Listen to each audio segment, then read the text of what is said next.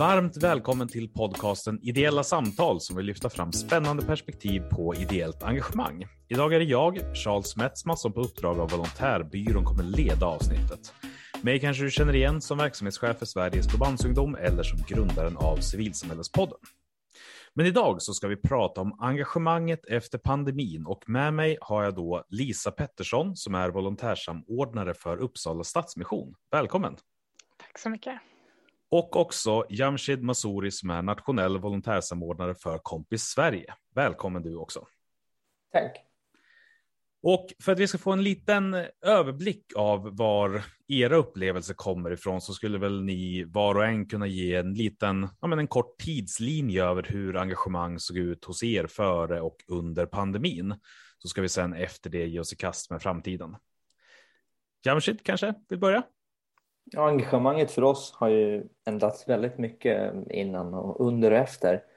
Däribland har ju min roll formats om helt från att vara volontärsamordnare till ett mer eh, regionansvarig när vi tappar då volontärer. Och det ska jag förklara lite av att innan pandemin var det väldigt hands-on.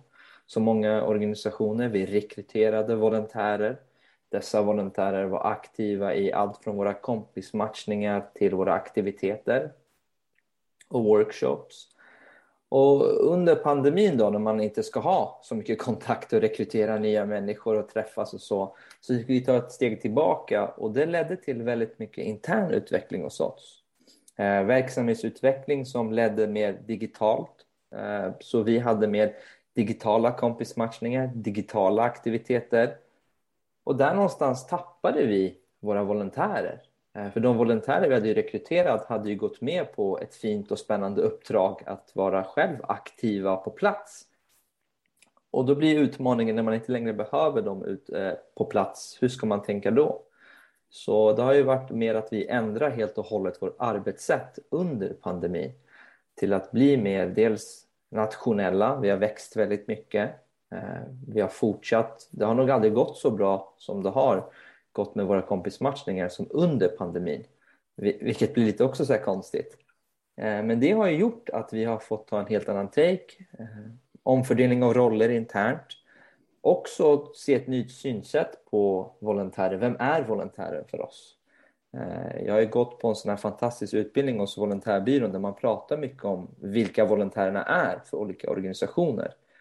Och så fastnar man ju lite i någon annans definition av volontärer i slutändan är det ju en människa som väljer att ge av sin tid till ett ändamål den tror på. Eh, och sen om organisationen i sig definieras som volontär eller inte, det, det är kanske inte det viktiga. Och det är där någonstans vi har landat. Att det kanske inte behöver vara vi som definierar eh, vad volontärens eh, uppdrag handlar om, utan den personen som tycker att är den en kompis och har fått en ny kompis och ser sig själv som volontär ska den absolut kunna få göra det. Kommer den med på våra aktiviteter och hjälper oss organisatoriskt att styra upp något, då är den också en volontär. Den ger ju sig av sin egen tid. Så där någonstans har vi hamnat. Att vi, det, det är mer flytande skulle jag säga eh, och mer upp till individen. Men har också varit på grund av att eh, vårt behov har förändrats. Men jag bara funderar, en, eh, för jag uppfattade på något sätt att ni båda hade då tappat många volontärer som utifrån att de hade eh, signat upp sig för någonting annat som inte fanns möjlighet till längre samtidigt som ni då har växt väldigt mycket. Är det det att ni då har ersatt det med anställd personal eller är det bara att ni har bytt vilka som är volontärer? Ja, men precis. För att svara på det första så jag tror att det blir naturligt för många organisationer, eh, kanske också, också för Stadsmissionen liksom, eller andra, att när människor inte får träffas eh, det är ju därför många ställer upp ideellt. Vi vill ju träffa andra människor, vi vill hjälpa till. Och då tappar vi en del. Eh, hur vi växer sen, det är våra siffror och resultat. Vi lyckas bättre under pandemin än någonsin tidigare. På grund av, tror jag, människor i sig. Vi ändrar helt liksom, vårt synsätt ute i samhället. Eh, människor är inte lika låsta vid att ha en kompis som bor i Stockholm utan jag kan väl ha en kompis i Umeå och, och, och köra lite Facetime. Det funkar väl lika bra som att ha en kompis i Stockholm under pandemin när jag ändå inte får gå utanför dörren i princip om det inte är för skola, jobb eller handla. så, så på så sätt har vi växt. Vi har eh, matchat mycket fler människor. Eh, sen har vi också, som du säger, fått ändra begreppet volontär och vi har nog inte landat, skulle jag säga, 100 procent i vad det är, eh, men vi är nog överens internt om att det är mer flytande eh, och att det är ju upp till personerna att definiera och vi ska nog inte hålla på och vara de som rättar någon när, när, när Charles eller Lise säger att de är volontärer för en organisation. Så ja, då får de tycka det. De ger oss sin tid och det är vi jättetacksamma för.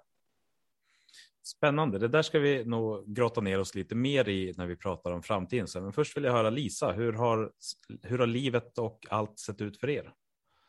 Ja, Uppsala Stadsmission, vi har ju fått en, en ganska annorlunda situation då när pandemin kom, eller vad man ska säga, så var det ju väldigt många som valde att ta en paus. Ungefär hälften av våra volontärer är över 60 eller 65. Så det var ju många som inom en, två veckor så tappade vi ungefär 50 volontärer som hörde av sig och sa nej, jag kan inte komma liksom. Eh, så det satte oss lite på pottkanten, eh, för det är också våra volontärer gör ju väldigt konkreta insatser. Man kommer dit och man åker och hämtar liksom matöverskott, man lagar mat, man hjälper till med läxor, eh, hjälper till att vara second hand-butiker och det är inte sånt som går att göra på distans. Eh, ett fåtal verksamheter valde vi att pausa eller dra ner på, men det mesta är så här att nej, men folk är hemlösa även om det är pandemin. Det är folk har problem med sina med Migrationsverket även om det är pandemi. Folk är hungriga även om det är pandemi. Så där var vi tvungna att ta liksom ett aktivt beslut att säga okej, okay, vi måste fortsätta med vår verksamhet och det är en risk, det vet vi. Men vi kan heller inte vara de som säger till volontärerna att ni får inte komma. Så vi gick ut och sa liksom, nej men vi rekommenderar alla att följa de rekommendationer som är så här över en viss ålder eller riskgrupp på annat sätt. Och sa vi så här, men då kanske du ska tänka över det här en gång till. Ehm, men vi kunde heller inte säga så här, kom inte för vi behövde fortfarande hjälp och eh, många av de som sökte sig oss behövde fortfarande lika mycket hjälp, om inte mer. Vi hade snarare fler som kontaktade oss. Eh, men däremot märkte vi att eh, det var andra personer som kom in under pandemin, att det var mycket yngre, många personer som kanske annars hade ett ganska fullt schema, folk som annars pendlade eller hade ganska stela jobbscheman som helt plötsligt dök upp. Ehm, personer som annars aldrig kan ta sig till våra verksamheter för att vi har kanske ställt ganska höga krav på att så här, men du måste vara tillgänglig under dagtid, du kanske behöver lova upp det för flera månader i taget för att vi ska kunna planera vår verksamhet. Men nu öppnade det också upp på ett annat sätt för vi visste att vi har den här arsenalen av eh, äldre volontärer som vi visste skulle komma tillbaka eh, så fort pandemin lugnade sig. Och då kunde vi också öppna upp för att ta in fler personer som vi visste att de här kommer försvinna igen när man inte kan jobba hemifrån eller när universitetet öppnar upp igen. Men att vi då kunde våga ta in personer för kortare perioder, kanske två eller tre månader, sånt som vi annars kanske säger nej till annars för vi vet att man hinner inte komma in i uppdraget ordentligt på så kort tid. Så det öppnade ju för en helt ny grupp av volontärer. Ehm, och sen när det väl varit nu under hösten håller vi på väl långsamt och ställer tillbaka att många av dem som kanske varit aktiva under pandemin. Många av dem faller bort igen för att sen, nej, men nu har man inte det här flexibla schemat längre som man innan kunde göra. Eh, insatser lite då och då hos oss. Eh, men också att det är många äldre som har sagt att så här, men nu, nu kan vi äntligen komma tillbaka. Eh, så egentligen så för oss har ju inte verksamheterna inte ändrats speciellt mycket före efter pandemin. Ehm, men däremot kan vi se att det är liksom helt nya grupper som har hittat till oss och blivit volontärer. Det tänker jag att vi säkert återkommer till lite senare. Men just att det här vad det gör med människor att sitta hemma och grubbla under ett och ett halvt år och vad man kommer fram till är viktigt i livet eh, och vad man saknar och vad andra personer saknar. Ehm, så det är väl någonting som vi har märkt en ganska tydlig skillnad i. Ja, jag tänker, jag vill bara stanna upp lite grann där i. Du sa att på en, två veckor försvann hälften av volontärerna och det var runt 50 personer. Alltså hur, hur hanterar en verksamhet ett så, så stort bortfall? För som du sa, mycket av det ni gör är väldigt konkret. Mm. Eh, vi har ju också upplägget att vi jobbar ju ofta med personer som mår ganska dåligt. Eh, många personer som befinner sig i otroligt utsatta livssituationer. Så vi måste också ha en beredskap att så här, även om alla våra volontärer faller bort en dag så de flesta av våra verksamheter fungerar ändå ändå för att då, så här, nej, men då, får, då får vi dra ner på en viss del av verksamheten eller att vi får ha personal som förflyttas från andra delar av verksamheten så vi ändå kan hålla öppet. Så tack och lov har vi inte alla våra verksamheter som är fullt ut beroende av volontärer. Men sen gör ju att vi får in volontärer gör ofta att vi kan jobba på ett bredare sätt och på ett annorlunda sätt, på ett mer långsiktigt sätt. Ehm, men ehm, ja, det vart lite, lite omtänk liksom i verksamheten. Ehm, men också många som, som ju känner våra deltagare så pass bra och visste att så här, men jag vet att det är pandemi men kommer inte jag ikväll så så kommer någon annan inte få den hjälp de, de behöver. Så många valde själva och, och kunde tänka det steget själva, att se konsekvenserna av att, att de visste att det var många som behövde ta en paus. Och då kanske de som själva inte befann sig och var en riskgrupp kanske kunde känna sig, nej men då får jag, då kan jag ställa upp istället. Och ni har ju båda två varit inne på några delar som som förändrar. Jag tänker på Jamshi, du sa det här med att eh, volontärskapet hos er har blivit mer flytande, att det inte är så tydligt inboxat. Lisa, du beskrev att ja, men, nya människor hittat till er, att man hade kanske omvärderat och sett vad är det som är viktigt i livet och på vilket sätt vill jag göra med det. Alltså med bakgrund av de här erfarenheterna som ni två har, om vi provtänker lite grann på vad skulle det här kunna innebära för framtiden? Hur ser det ut för fram, alltså engagemanget framåt sett? Eh, vad som än kommer till er, fri association. Jag tror faktiskt det som är intressant att lyssna på Lisa, det är ju att människor, nya människor kommer dels till organisationer, dels inser ju människor att nu har jag fritid, men jag ska inte sitta och titta på 60 säsonger av en serie, utan jag vill ge tillbaka till samhället. Och det som jag tycker var absolut finast under pandemin var ju just det, så många människor som kände så här, nej men nu vill jag göra något. Jag har en timme här, som Lisa förklarade, som uppstår av att jag inte behöver pendla till mitt jobb. Eller hos oss som det blev att människor kände att okej, okay, de som inte har integrerats in i samhället, de har hamnat i någon slags vakuum nu. Och, och, vem ska hjälpa dem? Vem ska vara där? Vem ska hjälpa någon med sin språkträning när SFI har lagt ner helt och hållet? Så jag tycker det var jättefint. Det jag tror kommer hända, och det är ju bara jag som spekulerar i min, på min lilla hörn, liksom, det är att jag tror ideella sektorn kommer växa ännu mer. Eh, många har nog förstått vilken, vilken stor kraft det kan vara. Eh, det är så inspirerande att lyssna på Lisa. Dels de här unga som kommer till Stadsmissionen, men alla äldre som man vet, de är snart tillbaka. För så är det. När en person, eh, vi alla här, liksom, nu säger man rummet fast det är digitalt, har ju engagerat sig ideellt också. Och när man väl har gjort det, man slutar inte. Det är ett livslångt uppdrag. Sen kanske organisationen du är vid byter eller ditt uppdrag, men du kommer inte sluta. Eh, för när man har givit tillbaka till det stora fina samhället så vet man ju att det här måste fortsätta. För som Lisa sa, det finns en person på andra sidan som är i stort behov. Jättefint. Ja, jag tycker verkligen att jag håller med om det här så mycket. Att sen, när man finner någonting i det här med volontärskapet som blir alltså nästan som en typ av beroende. Att man är så här, men hur ska jag kunna sluta med det här? Och det känner jag också själv som började engagera mig som ung och som hela tiden tänker, eller ung, men eh, yngre och tänker fortfarande att så här, men hur, vilket jobb kan jag ta för att jag fortfarande ska kunna engagera mig utanför jobbet? För det är så här, jag vet inte riktigt hur skulle jag må om jag slutade med det? Och det tycker jag var jättehärligt i det här också att man att jag tror många personer som kanske aldrig har reflekterat över hur det är att vara i en utsatt situation. Och det är så lätt att tänka sig, men jag är inte en sån person. Jag kommer aldrig fastna i missbruk och jag har en bra ekonomi och jag har liksom en trygg familj och någonstans att bo. Och liksom, ingenting kommer kunna drabba mig. Så helt plötsligt kommer det någonting sånt här som man så här omöjligt kan skydda sig emot. Och hur dåligt många mådde under pandemin. Liksom hur, hur lätt man kan falla för en sån sak och liksom vad det leder till för tankar och för beteendemönster och hur ensam man kan känna sig. Och att det är så lätt att vara sagt så innan, så här, men jag ringer ju min mormor och det är ju ingen fara. Och liksom, det finns ju så här, äh, internet och liksom pensionärsträffar och allt möjligt sånt där.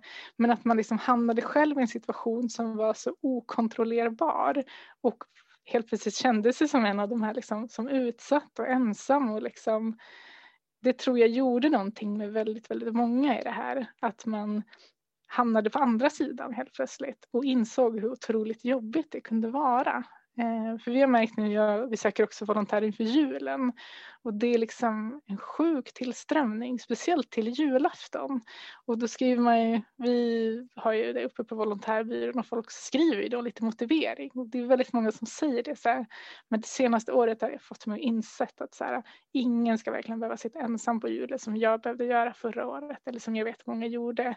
Att det liksom har öppnat upp en ny tankebana för många som inte alls hade tänkt sådana tankar innan, att det fanns kanske inte ens på kartan att man skulle börja jobba gratis för någonting för att man det är så lätt att fastna i den här tankemönstret så här, med folk som lever i utsatta situationer.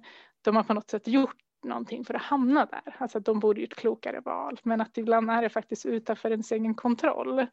Och det tror jag har gjort att väldigt många har fått upp ögonen för att, för att ge någonting tillbaka. Jag kände bara att det var, det var så inspirerande att höra det där precis att man, man stöttar någon och det handlar väl i grund och botten om att vi fick lite tid att reflektera. Eh, det, det gjorde jag väldigt mycket under pandemin. Eh, vi har jobbat på distans nu ett och ett halvt år och, och det känner jag att ibland det är lite tragiskt att det behövs en pandemi för att väcka klockan hos oss alla och att det ska sätta igång. Eh, även vi som jobbar inom ideella sektorn men det är väl det som krävs, tror jag Lisa, eller hur? Att, att vi bara tänker till. Alltså mm. det, det, finns dels en annan människa på andra sidan, men dels det, det hela större, det handlar ju om samhället. Mm. Jag tänkte jättemycket på det du sa det här om julafton, det tänkte jag på förra året. Jag försökte förklara för en treåring här hemma att det finns jättemånga barn idag som inte får det de vill ha. Mm. Som inte får alls julklappar. Eh, och vi, vi har en organisation som vi, som vi skänker till och för henne var det obegripligt först. Varför ska jag ge julklappar till något annat barn som jag aldrig träffar? Fair enough, det förstår jag också. Man är tre år och allt har inte landat. Mm. Men, men man vill ju så gärna förklara även för de yngsta att det är nu vi ska ställa upp för vår granne eller personen som bor långt bort eller ensam. Om inte nu, när? Mm. Och något som jag tror också som har kanske som du sa, liksom det här med att, att det förstärker hela den ideella sektorn. Och det tror jag verkligen att det ligger någonting i. Att det är det var också väldigt uppenbart för folk att men även om liksom staten och samhället kan bidra med väldigt mycket, den här liksom guldkanten, den här liksom närvaron, det är aldrig någonting som staten kommer kunna lösa. Att så men även om du gick alltid kommer ha mat och bostad, sjukvård, liksom, men det räcker inte. Det är någonting annat som gör livet liksom drägligt och det tror jag varit väldigt tydligt under pandemin att så här, ja, men väldigt många ideella organisationer som liksom tog det här steget och visade sig men vi finns här. Det är vi som kan liksom stå för den här guldkanten, för den här överlevnaden på liksom en själslig nivå som kanske inte har varit så viktig för många innan och också hur det då, men som du säger det här med tillgängligheten, att så här, men helt plötsligt kan man prata med någon i Umeå och bidra med liksom en timme i veckan och det gör skillnad. Ehm, och det tror jag har ja, men förändrat den ideella sektorn och liksom verkligen gett den en, en push framåt och ett erkännande som, som jag tänker att vi har saknat. För det är, alltså, det är så otroligt många människor som lägger så mycket tid och ideella organisationer som gör, bär ett så stort samhällsansvar. Men det är just i sådana här stunder som det blir så uppenbart och verkligen svart på vitt. Eh, och det tycker jag är väldigt häftigt att se, att det var, liksom, men det var till de stora organisationerna man vände sig och sa liksom så här, ni måste lösa det här med att folk inte har mat hemma. Och folk gjorde det. Eh, jag hoppade också in som volontär för Röda Korset och syntes, så då ringde de här personerna som hade liksom hört av sig och eh, för alla skulle intervjuas då som alla som hade anmält till Uppsala. Att man, att man ville hjälpa till och liksom handla för sina grannar och så. Och det var ju liksom alltså mängder, jag vet inte hur många hundra samtal jag ringde under de här veckorna. Och det var ju fantastiskt och liksom väldigt, väldigt många unga, väldigt många personer som är så här, jag har aldrig gjort det här innan, jag vet inte hur man gör liksom. Och det tror jag liksom att de personerna kommer nog kanske fastna i det här och liksom aldrig släppa den ideella sektorn igen. Det hoppas jag verkligen kan hålla i sig länge. Det tror jag definitivt. Det som du säger för mig det blir egentligen att de här organisationerna som fortsätter, men dels hos er på Stadsmissionen, hos oss på Kompis Sverige och så många fler har ju byggt tillit nu. Man har ju under en kris mm. byggt tillit hos, hos människor. Eh, och, och, det är ingen kritik mot de organisationer som varit tvungna att pausa. Men, men jag vet att en kollega hos oss internt tog upp det tidigt under pandemin. Vi har lyxen och förmånen att kunna pausa för finansiärerna ger oss den förmånen. Men de här människorna vi jobbar för egentligen, deras liv pausas inte. Mm. Deras liv fortsätter. Och, och, och, primärt för oss som jobbar integration, det är så mycket mer än integration. Det är som du pratar om, det är social isolering. Hur ska vi bryta det? Vi pratar oftast, både jag och du, om att stötta någon annan. Egentligen stöttar vi oss själva. Mm. Jag tycker du uttrycker det väldigt fint i att du mår bra av att jobba inom ideella sektorn. Mm.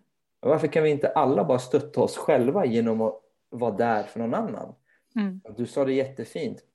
Vi lever i ett välfärdssamhälle som är otroligt. Det är helt fantastiskt vilka förmåner vi har kontra andra delar av världen som jag har levt i till exempel.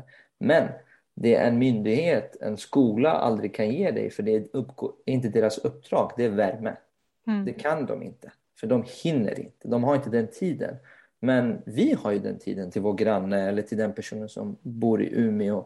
Och det är så intressant att jag är uppvuxen här där många säger att jag har inte så mycket kontakt med mina mor och farföräldrar. Under pandemin hade alla kontakt med sina mor och farföräldrar. För det var den mest utsatta och sårbara gruppen. Så om vi bara fortsätter på den linjen, alltså stötta någon, stötta dig själv, bryt den sociala isoleringen konstant, så är inte bara integration bakom oss, men även människor som du ser väldigt utsatta. Det handlar inte om varför hamnar de där? De är där och nu hanterar vi det tillsammans. Men jag tänker att det, det är klart att det är tråkigt att det ska behövas någonting sånt här drastiskt, men samtidigt så är det ju ofta det som är en katalysator, tänker jag, i ett engagemang, det vill säga den egna upplevelsen. Mm. För, för att om det är så otroligt svårt och mycket begärt av en människa också att kunna fullt ut sätta sig in i ett annat perspektiv. Det kräver ju ändå ganska mycket kreativitet, engagemang och energi för att liksom verkligen sätta sig in i och förstå någonting annat. Och då är det så mycket lättare när någonting kommer och drabbar och bara här varsågod, du får uppleva det lite grann och testa på mm. och så kanske det liksom ger loss till nya tankar. Men tror vi att det här kommer också, för det är väldigt tydligt då hur, hur det här applicerar på just att hjälpa andra människor. Men tror vi att det här kommer vara någon, en engagemangsskjuts även för de delarna av det ideella som inte direkt handlar om en så tydlig hjälp, utan kanske mer ja, men att vara ledare i en sportförening eller annat där man fortfarande gör samma typer av insatser fast på ett mer, eh, vad heter det, inte ett lika tydligt och konkret sätt, utan det blir någonting som sker långsiktigt. Att genom att få ha ett sammanhang så kommer jag må bättre idag om tio år, men det blir inte lika mycket som mat i magen här ikväll, här och nu. Det tror jag absolut. Jag är ju, är ju fotbollstränare själv på deltid och kvällar och helger spenderas på idrottsplatser. Och det är eh, tokigt att ens behöva säga det, men vi hade nog bäst närvaro tror jag i hela föreningen när eh, restriktionerna lättades och man fick träna förra vintern. Det var ju för mig helt obegripligt hur många som ville träna mer gånger. För nu hade det någonting tagits ifrån både vuxna och unga att få, att få utöva sin sport utomhus. Och sen när de fått tillbaka det och insett, det var lite som vi pratade om, eh, Charles, du förklarade, man har fått leva den världen som någon annan kanske lever hela tiden. Och då var det som att alla ville nu vara ute. Nu vill jag vara utomhus och röra på mig för det har funnits restriktioner. Så jag tror även idrotten kommer växa eh, med fler deltagare och behovet av fler ledare. Och vi har väl alla tror jag någonstans förstått att även den som har det otroligt bra hemma vill inte sitta i soffan varje kväll. Det kan vara trevligt någon trött måndagkväll eller någon torsdag här och där men vi vill ju träffa andra människor. Vi vill ju vara där ute och röra på oss. Och i slutändan när alla de här kidsen springer runt och är glada på en idrottsplats, inte det det, det, det handlar om också? Eh, ge tillbaka lite. Jag håller verkligen med det som du säger Jamshed, att det är också min bild av att så här, folk kommer mycket mer på aktiviteter. Och det tror jag att, men just inom den ideella sektorn, att här, vi, vi kanske både, det är nog sant också att det är så att många kommer till oss för att de har upplevt en utsatthet och nu vill man ge tillbaka för att man har en bild. Men jag tror också det bara finns ett sug efter att träffa människor. Att bara för, för det tror jag var liksom en, just också att många unga universitetsstudenter sökte sig till oss. Eh, många som nyligen hade flyttat till Uppsala kanske och nu satt hemma och man kände kanske inte så många. och Då var det så här, vad är öppet? Vart kan jag gå? Så här, nej men allting är stängt. Men Stadsmissionen uppenbarligen är öppet. Så här, där får jag säkert träffa människor. Jag går dit och hjälper till att laga mat. Så det kanske i många fall tror jag inte ens att det handlade om att man ville hjälpa kanske inte var det första liksom, prioriteringen. Mer så här, jag måste bara komma ut, jag måste träffa människor som pratar med mig. Och det tror jag också var en väldigt viktig del av det. Och det tror jag spiller över kanske lite extra i vissa andra verksamheter, men just när det gäller kanske sport eller liksom friluftsaktiviteter. Att det kanske inte behöver handla om att man vill ge någonting utan man också vill ha någonting. Att man bara vill ha ett sammanhang.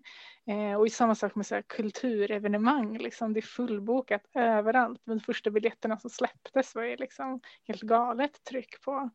Eh, så det hoppas jag också kan hålla i sig det, den här liksom inte bara påminnelserna om att, om att man känner sig liksom ensam utan också påminnelsen om hur, kan det, hur det kan vara att man säger vi måste passa på. Liksom. Jag måste passa på att gå och spela fotboll, gå till gymmet, liksom, gå på teater bara för att säga vi lever ju också fortfarande, speciellt nu under det, så här, ja, det kanske stängs igen. Vi vet inte. Att man har lite så här, lite carpe diem sjukdom över det hela också. Att vi, man måste så här, ta de här tillfällena som ges nu, för vi vet inte vad det blir framöver. Um, och det kanske är en bra påminnelse i allmänt i livet att så här, vi kanske inte kommer kunna gå på teater nästa år. Vi kanske inte kommer ha några fler fotbollsträningar efter jul. Um, och att man verkligen tar vara på det. Det, ja, så det är klart det är så där, men jag känner liksom bara att du uttalar orden på det sättet. Jag är så mm. otroligt utless på det här. jag ja. hoppas verkligen, verkligen inte att det blir så. Men jag Nej. tänker, eh, det vi pratar om nu skulle väl ändå med viss, eh, alltså det skulle väl kunna beskrivas lite grann som en potentiellt tillfällig effekt. Just det här att det är dammen brister och alla rusar ut och det blir lite grann av ett nyhetens behag. Eh, just det här att få träffa människor igen och sen inser man att den med soffan var ganska bekväm och man kommer in i någon slags vardaglig lunk igen. Hur, eller vad tror ni är viktigt att organisationer ska göra för att tillvarata det här tillfälliga och göra, liksom, kunna permentera det? Kan man säga så? Permentera, permanenta. Inte det är krulla. Ni förstår, gör det så att det fortsätter. ja. Men jag tror det, blir väldigt viktigt att eh, vara, vara sann mot dig själv som organisation. Alltså, vad står man för som organisation? Det är lätt att ryckas med och vilja göra, erbjuda deltagare och volontärer ännu mer för att nu går det liksom som du sa, att nu kan vi mötas. Eh, jag vet att på Kompis Sverige har vi fått så många mejl och samtal under pandemin. När har ni aktiviteter igen? När, när har ni dansen igen? Eller när ska ni på fotbollsmatch? Och jada, jada, jada. Allt det här vill, vill alla ha, ha, ha. Eh, men jag tycker att vi har ändå varit ganska tydliga med att det kommer tillbaks. Absolut ska vi till och med gå på museum ihop och det har vi gjort redan nu. Men vi kommer fortsätta ha den här tydliga linjen att det är inte bara sociala aktiviteter vi erbjuder. För jag tror det är viktigt att om man, om man som organisation nu börjar tänka att nu vill bara människor träffas och göra saker där ute så kan det bli som du säger Charles, att efter ett halvår av erbjudet alla aktiviteter i hela Sverige så går alla tillbaka för nu är nya säsongen av min favoritserie ute på, på, på vald streamingtjänst. Liksom. Och, då, och då kan det ha motsatt effekt. Eh, vi har ju tydligt visat att vi människor mår bäst av att få lite i taget eh, och liksom dra ut på det så gott som man kan tror jag i den ideella sektorn. Eh, men jag tror också som jag och Lisa har tagit upp att nu när engagemanget har växt och det är många som knackar på dörren måste man ju också ta tillvara på det. Det får inte vara så att organisationen nu säger att nej, det finns inget att göra. Eh, men tänk om någon vill eh, laga mat nu och, Lisa måste säga det att nej men eh, vi har inte det längre. Då kanske den personen aldrig mer dyker upp. För de har ju bara spontant hört av sig. Så det är en svår balansgång, men jag tror det viktigaste är att organisationen är sann mot sig själv, sin värdegrund, eh, kärnfrågor, vilka verksamhetsgrenar den alltid har jobbat i eller utvecklat under pandemin. Mm. Ja, det håller jag verkligen med och det är ju någonting som vi är väldigt tydliga mot för det är många som hör av sig och säger ja men jag har mina söndagseftermiddagar fria, vad har ni då? De säger ah, vi har inte jättemycket verksamhet på söndagseftermiddagarna tyvärr. Men att då försöker vi både trycka på så här, ja men vi måste utgå från deltagarnas behov. Så här, vad är det de efterfrågar? Och nej det är inte jättemånga som som kommer om vi har saker på söndagseftermiddagar. För det är, ja, de är som alla andra. Då, då kanske många vill vara hemma om man kan. Eh, så det är viktigt tror jag där, liksom att inte att inte bara anpassa sig efter volontärernas behov och så här, vad är det de vill ha utan också som du säger vara var sann mot sin egen organisation och titta vad är, hur jobbar vi och vad är det som faktiskt behövs utifrån vårt perspektiv.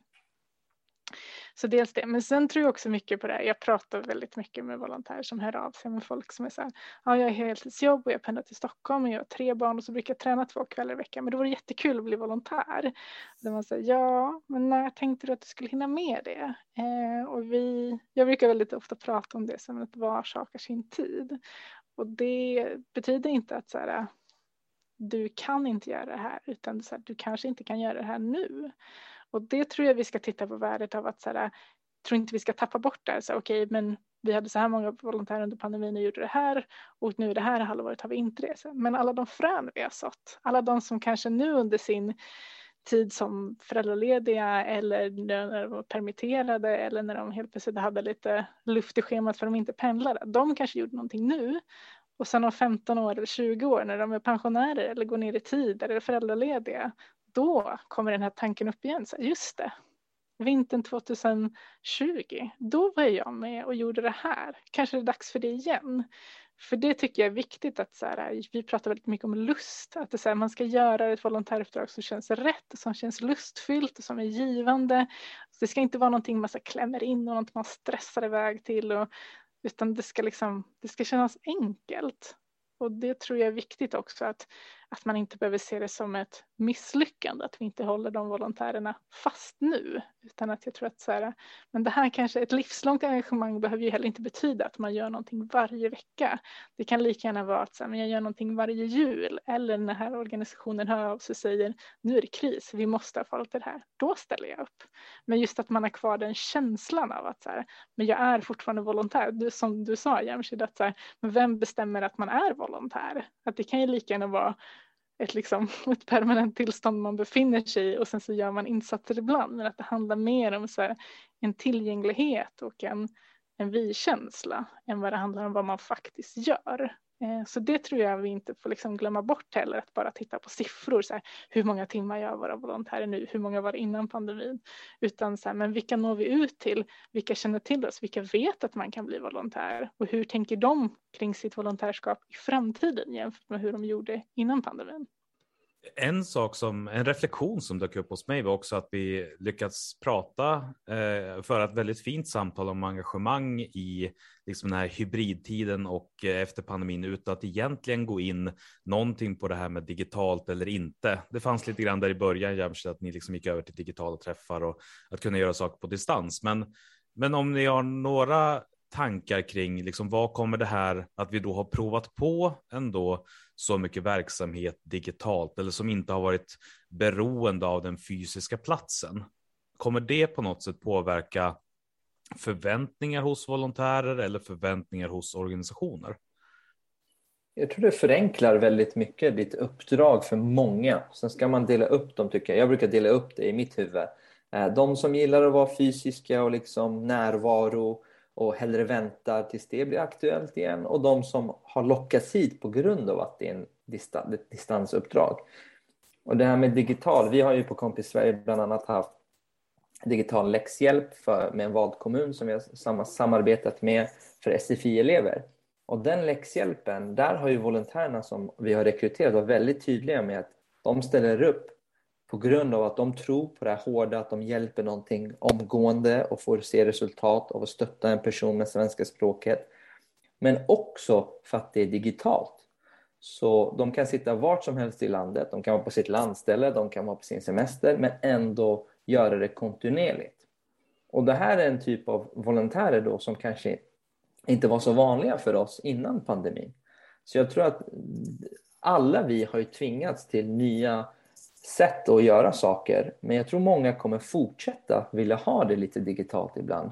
Jag tycker det är fantastiskt. Man ska inte stänga någon dörr för varför ska vi sluta med något som gör att du kan vara en läxhjälpare till någon i Stockholm när du bor liksom vart som helst ute i Borlänge som inte är så långt bort men även sitter i Malmö.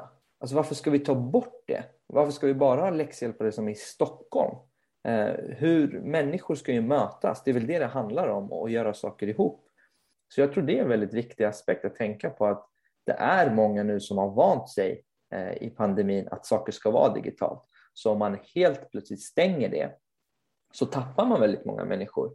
Så det vi har försökt göra på Kompis Sverige det är ja, men lite av best of both worlds. Att man går tillbaka till vad var det vi gjorde innan eh, och vad gör vi nu?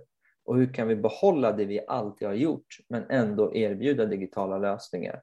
Och vi har ju försökt att tidigare, om jag ska förklara lite snabbt, när vi matchade en person med en annan och vi matchade Lisa med en kompis som var ny i landet, då uppmuntrade vi att ni måste träffas fysiskt och det ska vara en fysisk relation där ni ses mycket.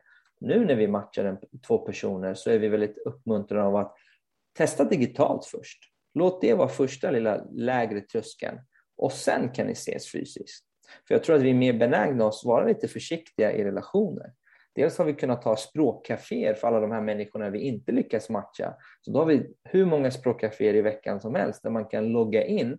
Och det, är jättekul ibland för man ser någon gå på löparbandet och så är den ju med på samtalet via sin telefon.